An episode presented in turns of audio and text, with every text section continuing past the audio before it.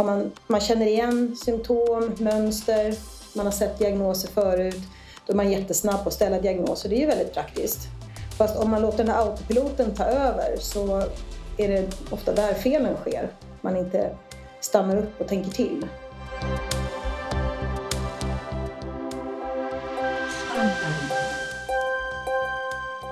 Hej och välkommen till Svampen!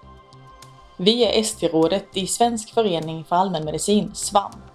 Vi är ST-läkare och nyblivna specialister från hela Sverige och vi vill bidra till att föra allmänmedicinen framåt. I den här poddserien kommer vi att samtala med personer som på olika sätt brinner för att utveckla just sin del av hälso och sjukvården.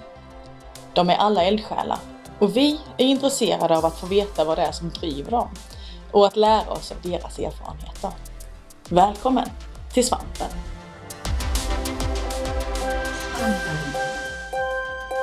Hej och välkomna till Svampen! Jag heter Ulrika Elmroth och är allmänläkare. Och idag så sitter jag här med Rita Fernholm. Du är distriktsläkare och doktorand på Karolinska institutet och du jobbar som medicinsk rådgivare på hälso och sjukvårdsförvaltningen på Region Stockholm. Välkommen! Tack så mycket. Och så jobbar du på en vårdcentral också? Jajamän. Man kan ju inte släppa kliniken. Nej, exakt. Eh, men olika människor hinner med olika många jobb, verkar det som. Ja. Eh, men du Rita, vad brinner du för? Jag brinner för att vi ska ge våra patienter bästa möjliga vård och att eh, de inte ska fara illa i den processen. Det är därför jag har intresserat mig så mycket för just patientsäkerhet inom kvalitetsområdet. Ja, vad spännande! Berätta, hur hänger det ihop, patientsäkerhet och kvalitet? Man brukar säga att säkerhet är en av aspekterna i kvalitet. Kvalitet är ju att ge en god vård enligt evidens eh, med en hög tillgänglighet. Eh, vi vill ju ha ett gott bemötande och att man inte ska fara illa. Till exempel eh, inom sjukhusvård så är ju de vanligaste vårdskadorna ju kanske vårdrelaterade infektioner, överfylld blåsa, fall, trycksår. Men inom primärvården så är det lite andra saker som kan gå fel. Det handlar ofta om kommunikation och det kan bli förseningar av allvarliga diagnoser. Det kan vara provsvar som blir liggande eller ja, till exempel att eh, en cancerdiagnos det är möjligt att ställa diagnos för att man har till exempel ett, ett röntgensvar fast det blir liggande i ett antal månader av någon anledning. Och sen eh, har sjukdomen hunnit spridas innan patienten får sin diagnos. Och det är ju så sorgligt när, när det går fel. Ja, man hade kunnat undvika det. Mm. I ditt jobb då, hur, eh, hur jobbar du med de frågorna? I kliniken så försöker jag ju i patientmötet att jag har ett väldigt öppet sinne kring diagnostik. Att man tar upp anamnes med öppna frågor att man jobbar enligt de tre F'n. Förväntningar, farhågor, föreställningar. Ehm, eller tanke, oro och önskan som det nya har jag hört på läkarlinjen. Men just det här att ehm, man har ju sett att läkare i genomsnitt avbryter vi efter 18 sekunder. Och av de som blir avbrutna så är det ungefär 85 procent som inte tycker att de får förmedlat det som de egentligen helst ville säga. Så just det att, att man ger dem tiden att, att äh, berätta sin historia. För det ger ju ledtrådar både om sjukdomen och om vem patienten är. Alltså ett eh, del i eh, patientsäkerhetsarbetet är, kan vara den här patientcentrerade samtalsmetodiken. Ja, absolut. För när vi hamnar i en fel diagnos, förutom det här med provsvar och röntgen som blir liggande, så kan det handla om att, att vi råkar ut för det vi brukar kalla för ankareffekten, att man fastnar i det man tänker först. Och vi är ju väldigt duktiga på att vara snabba i vårt jobb. Har man, man känner igen symptom, mönster, man har sett diagnoser förut, då är man jättesnabb på att ställa diagnoser. Det är ju väldigt praktiskt. Fast om man låter den här autopiloten ta över så är det ofta där felen sker man inte stannar upp och tänker till. Okej. Okay. Finns det några fler sådana saker man kan, eh, sådana tips eller verktyg som man kan ha för eh, att öka mm. säkerheten? Till exempel eh, när patienter bokas till vårdcentralen. Om det då kanske är sköterskor som bokar per telefon. Att man försöker sträva efter att man skriver symptomen i sökorsaken. Inte skriver den diagnos som patienten säger eller som sjuksköterskan antar att det är. För då är det risk att doktorn fastnar i det tänket och inte har det här öppna, öppna tänket om vad det skulle kunna vara för diagnos. Ett annat sätt är den här tre-regeln att man, eh, man tänker att det ska vara en viss diagnos men är försiktig med att kalla det för diagnos. Man får gärna kalla det för arbetsdiagnos eller hypotes. Och sen att man har åtminstone två differentialdiagnoser. Och det brukar man kalla som force function, att man, man stoppar upp att man, okej, okay, vad kan det annars vara? Ja, och att vi uppmuntrar patienterna också och vara delaktiga, det är ju väldigt viktigt. Så patientsäkerhet per definition är att patienter inte ska drabbas av vårdskador och vårdskada är per definition undvikbar skada. Sen det händer saker i vården men, men just när vi, när vi kallar det för vårdskada då är det per definition undvikbart. Då kan man göra vården säker genom skyddsnät på lite olika nivåer. Man brukar prata om den här äh, Swiss cheese model där äh, äh, de första ostskivorna är organisationen, ledarskapet som kommer ner till teamet, individen, utrustning och den sista ostskivan blir egentligen patienten och så säger man då att när när de här hålen de här latenta svagheterna ligger i linje så, så sker en skada. Eh, patienten är jätteviktig. Om, om patienten följer sin, eh, sin remissväg och sin journal på 1177 då kan ju hen säga till om det är någonting som inte stämmer eller de har inte blivit kallade i tid eller de har inte fått provsvar. Mm, just det, så när det går riktigt fel då har det oftast fallerat på flera nivåer? Ja. Mm, I flera steg. Mm.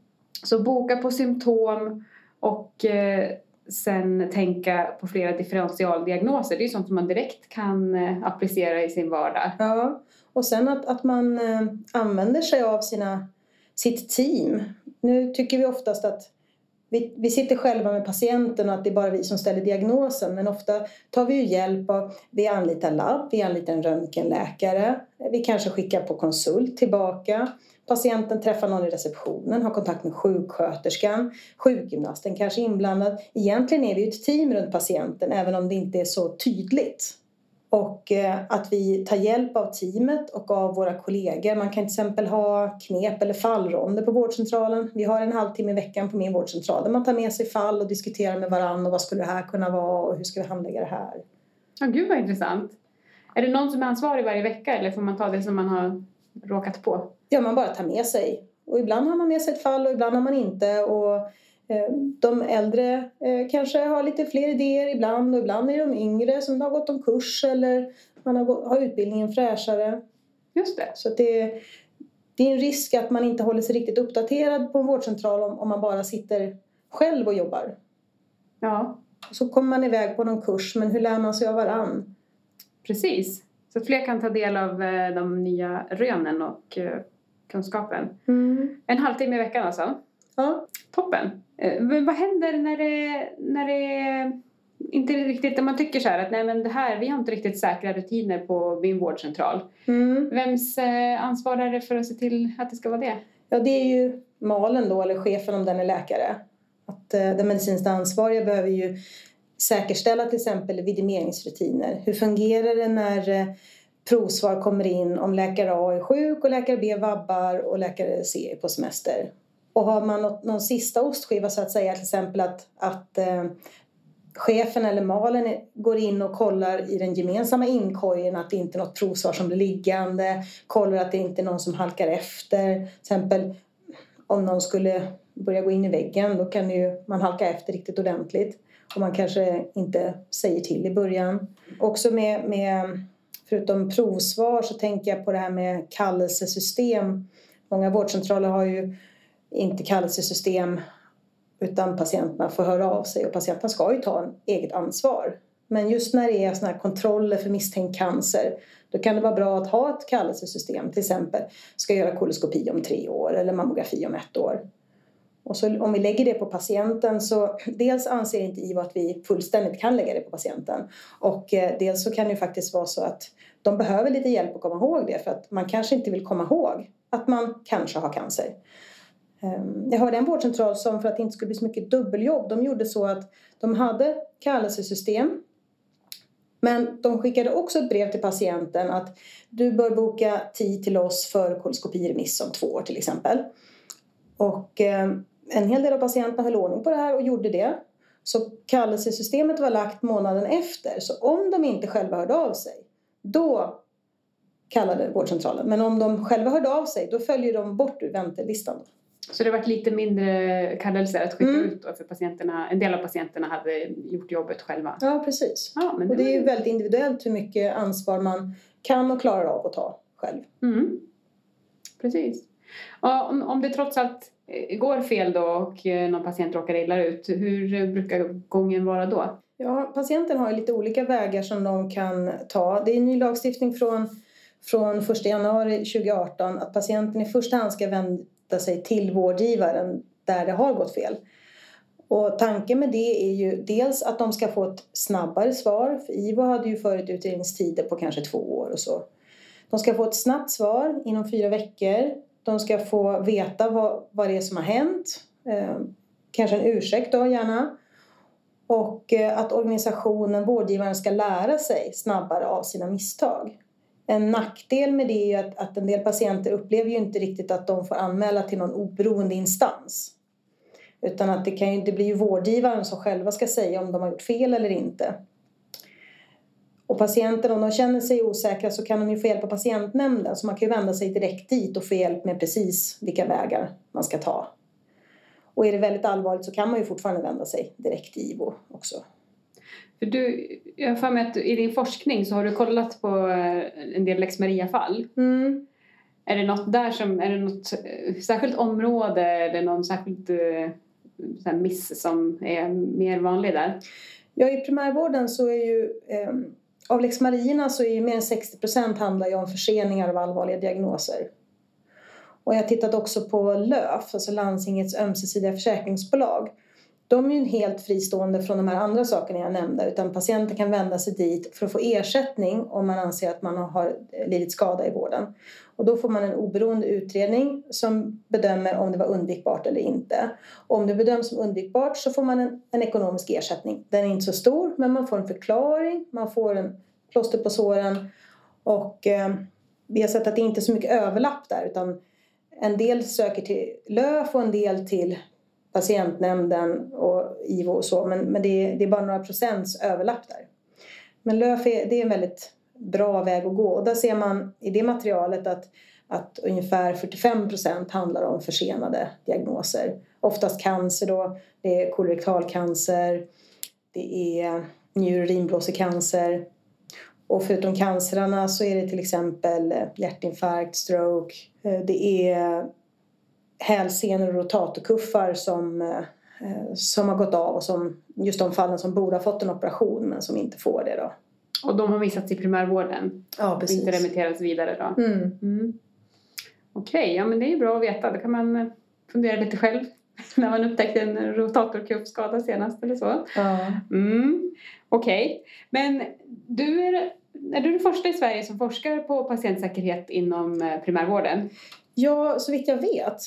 Men eh, in, eh, jag eh, fick veta om eh, en eh, läkare som heter eh, Ewing som eh, är hon är distriktsläkare och onkolog och hon har faktiskt forskat om tidig upptäckt av cancer. Så att eh, hon var ju på nyheterna häromdagen. Och hon har tittat på ett verktyg för att försöka upptäcka koloncancer tidigare. Så det, det såg jättespännande ut. Det är ofta så att när man får en cancer. Vi har, vi, vi har ju i vårt jobb så är det ju ett, ett brus och hur ska vi hitta de som har en allvarlig sjukdom? Det är ju jättesvårt men ett, ett där tecken till eh, allvarlig sjukdom det är att någon som inte brukar söka vård plötsligt söker vård ofta. Det är som varningssignal som man kan ha i bakhuvudet. Man tänker till då, slår av autopiloten, okej, okay, vad skulle det kunna vara? Mm. Om det inte är det första jag tänkt på. Just det, ja de här mångsökarna finns det ju anledning att eh, intressera sig för av många anledningar. Ja. ja. Men just de som, som inte har varit mångsökare och plötsligt bli, blir det. Mm. Kommer tillbaka för tredje gången, då kanske det inte är en viros, då kanske det är någonting annat. Mm. Bra, ännu ett eh, bra praktiskt tips. Men hur gör man då om man vill eh, börja forska? Och särskilt om det inte finns någon annan som... Hur, hur hittar man handledare? Vad, hur gör man? Ja, min väg in var forskarskolan i allmänmedicin. Mm. Den var ju verkligen jätte, jättebra och den finns ju på lite olika ställen. Den som jag gick, den var ett samarbete då mellan eh, Stockholms läns landsting, numera Region Stockholm, och eh, Karolinska institutet. Och det var då upplagt som fem veckors block, fyra terminer i rad. Och då sökte man med ett projekt. Så att man hade en tanke först och man hittade en handledare först. Och att hitta en handledare är ju svårt men eh, man tänker att vilket område jag är intresserad av och så tar man reda på vilka jobbar inom de områdena. Läser lite vad de har skrivit för artiklar och sen mejlar man till dem och säger att det här är intressant arbete och vad spännande och har du tips på någon forskargrupp som Eh, behöver hjälp eller så. Det kan vara en bra väg in. Och eh, den här forskarskolan allmänmedicin som jag gick i Stockholm de har sponsrat då så eh, då får man ju så lönemässigt så ersätter forskarskolan i alla fall en, en viss del av lönen till vårdcentralen under tiden man är borta. För det är svårt att få ledigt så mycket från vårdcentralen och ändå få någon lön. Så att jag tog den vägen och den var väldigt, väldigt bra också för att man ska ju lära sig en massa olika moment inom forskarutbildningen om studiedesign, om hur man ansöker om etiskt tillstånd, hur man ansöker om anslag, hur man skriver och presenterar. Och hela tiden så fick vi träna på de här momenten med våra egna projekt. Så skulle vi göra till exempel en eh, litteratursökning för att se vad är det för, vad har gjorts hittills precis inom den här frågan. Ja men då fick vi träna på det med den frågan vi redan kom med. Så att mycket av det jobbet som man skulle göra det blev ju automatiskt i, i kursen. Ja vad smart. Och sen ehm, ja, andra tips. Det är väl, det är väl svårt att få få finansiering att få någon att betala för forskartid. En del har ju forskar-ST. Det kan ju vara ett sätt. Ehm, Hur är det upplagt? Ja, jag har inte själv varit del av det. Men jag, man kan ju söka forskar-ST allmänmedicin. Det finns ju, jag har sett annonser i alla fall. Jag vet inte okay. riktigt hur det är upplagt. Men eh, då är det väl också att, att lönen delvis kanske inte bara kommer från vårdcentralen utan att det finns initiativ i, i regionen att man vill stödja primärvårdsforskning. Ja, men det låter ju superbra. Mm. Om det inte finns i ens egen region kan man ju föreslå att det borde finnas. Mm. Mm. Bra. Och sen eftersom eh, allmänmedicin då i Stockholm institutionsmässigt på Karolinska så hör allmänmedicin till den institution som heter neurobiologi, vårdvetenskap och samhälle, NVS. Men de har ju då inte några, några som forskar om patientsäkerhet som jag var mest intresserad av. Men då finns det institutionen LIME som står för Learning Informatics Management och Ethics. Och de har ju grupper som forskar om patientsäkerhet. Så där hittade jag en av mina bihandledare då, Kiku Puck Härenstam som eh, är barnläkare. Så det var väldigt värdefullt att få in eh, en handledare som, som är så duktig på systemsäkerhet och patientsäkerhet. Ja, det låter ju perfekt. Så alla behöver inte vara på samma institution? Nej, utan då kan man dela upp så att jag hör till viss del procent till institutionen Lime och till viss del till NBS då. Och så har jag i min bland mina handledare så är det en allmänläkare och en apotekare och så den här barnläkaren. Bra, vilket eh, bra team du har. Ja, det har funkat bra. Mm. Där kan vi också se vad det finns för anslag att söka. I, ehm, eh, det är olika från region till region men just att det, det finns ju ett antal anslag och eftersom mer och mer vill man ju stödja primärvårdsforskning så viktigt att ta reda på vilka anslag finns det för det kan ju finansiera då den här forskartiden. Så säg att man man jobbar viss procent på vårdcentralen och viss procent forskning så kanske då ett anslag då kan täcka upp för de här procenten. Just det, om man inte får lönen från vårdcentralen. Ja. Mm. Mm. Bra, oj vad många bra tips du har. Eh, ja, det, vi har ju sett det i, eh, i SPAM nu också att eh, det är allt fler allmänmedicinska avhandlingar. Ja, jätteroligt. Så att eh, de här allmänmedicinska forskarskolorna kanske har börjat få lite effekt här nu. Mm. Mm. Själv då, när räknar du med att bli klar? Förhoppningsvis i slutet av 2019, mm. men kanske blir det 2020. Vi får se. Spännande. Ja, vi får hålla utkik. Eh, men du har ju som sagt ganska många strängar på din lyra men alltid på lite liknande tema. Eh, för du är med, jobbar med Socialstyrelsen också på det här på något vis. Jag är med i eh, en expertgrupp där för regeringen har gett ett uppdrag till Socialstyrelsen att utforma en nationell handlingsplan för att få lite samlat grepp kring patientsäkerhet. Så det är jättekul att få vara med i den gruppen. Och sen jobbar jag ju med kvalitet och förbättringsarbeten. I Stockholm så går en liten del av ersättnings, den målrelaterade ersättningen går till eh, vårdcentralerna för att eh, genomföra och presentera ett eh, förbättringsarbete, ett kvalitetsarbete. 6 kronor per listad. Och ehm, då är jag med och stöttar vårdcentralerna. De får lämna in först en plan som de får feedback på. Och då är det också informationsläkarna, och informationsapotekarna på hälso och sjukvårdsförvaltningen som, som hjälper till med det.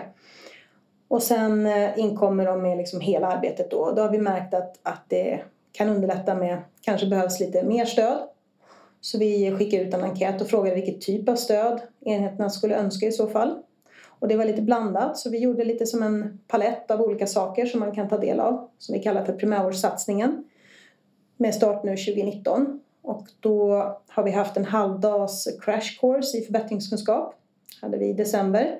Och sen har vi en femdagars kurs som bygger ungefär på eh, coachingakademins upplägg. Coachingakademin är någonting som Kvalitetsregistercentrum i Stockholm håller i. De är också en del av hälso och sjukvårdsförvaltningen.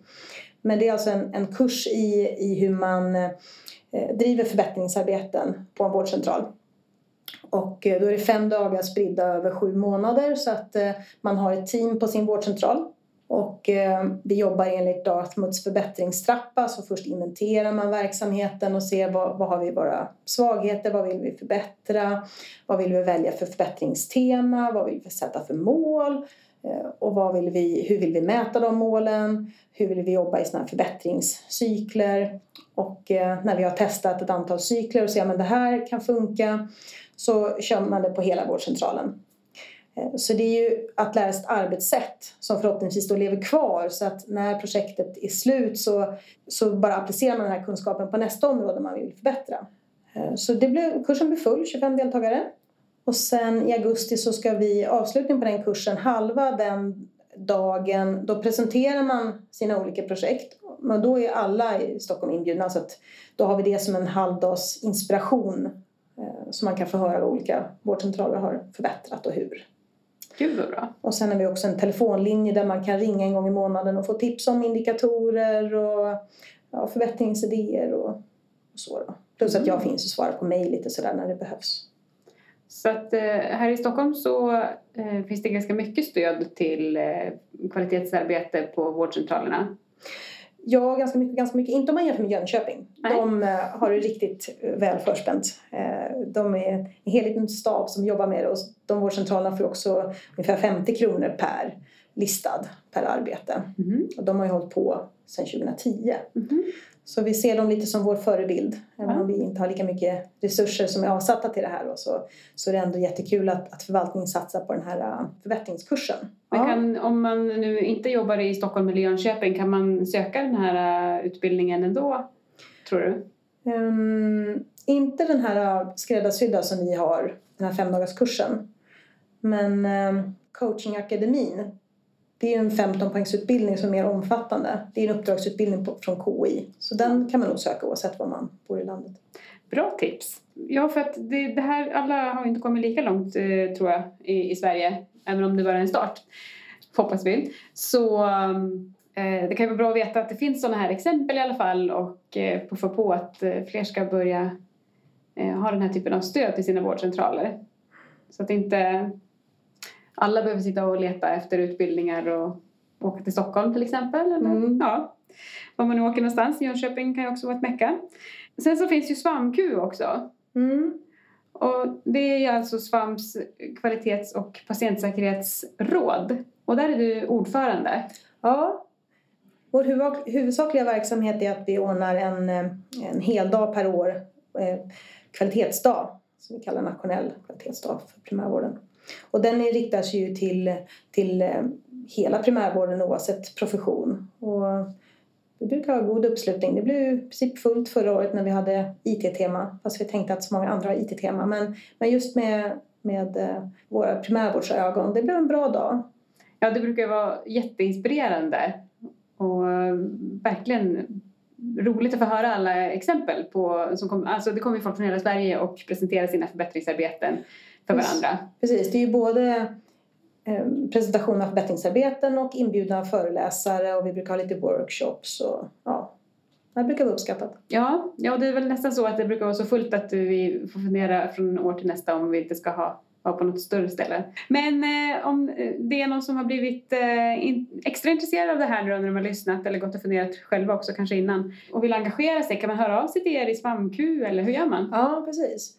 Om man går in på Svams hemsida så kan man eh, söka på kvalitetsdag eller svampkur så hittar man vår undersida. Och eh, eh, då kan man mejla oss om man vill engagera sig i svampkur. Och är man mer intresserad av patientsäkerhet så vill jag tipsa om Socialstyrelsen har ju en sida hos sig som heter Det samlade stödet för patientsäkerhet. Där finns mycket bra information. Och jag nämnde QRC, alltså Kvalitetsregistercentrum Stockholm som håller i coachingakademin. Så om ni söker på QRC Stockholm så hittar ni deras sida. Där finns det också en del material om förbättringsarbete. Är det något annat som du skulle vilja berätta om? Nej, men eh, bara säga en gång till att eh använd gärna tre-regeln tänk, eh, tänk brett och låt patienten tala eh, till punkt så att vi inte avbryter. Försök säkra upp era system. Är det, är det en risk att remisser blir liggande? Det är ett antal diagnoser som har blivit försenade för att läkaren tänker att ja men okej det är ett högt PSA, jag ska skicka remiss till urologen och säger det till patienten också. Och så tänker man att ja men jag gör det strax. Om man ligger lite efter så tar man nästa patient och sen knackar det på dörren och så ringer telefonen och så är det lunch. Och så tre månader senare ringer patienten och frågar var tog den där remissen vägen? Och det där är ju en risk. Och det kan man ju försöka säkra upp på sin enhet om det är så till exempel att man eh, brukar eh, diktera sin journal men skriva sina remisser. Många gör ju så. Då kan man ju ha som säkerhetsåtgärd att sekreteraren när hon skriver en, remiss, äh, eh, skriver en journal där läkaren säger jag skickar remiss till urologen att sekreteraren bara dubbelkollar att remiss har gått iväg. Till exempel. Eller att man alltid skriver sådana här viktiga remisser när patienten är kvar på rummet.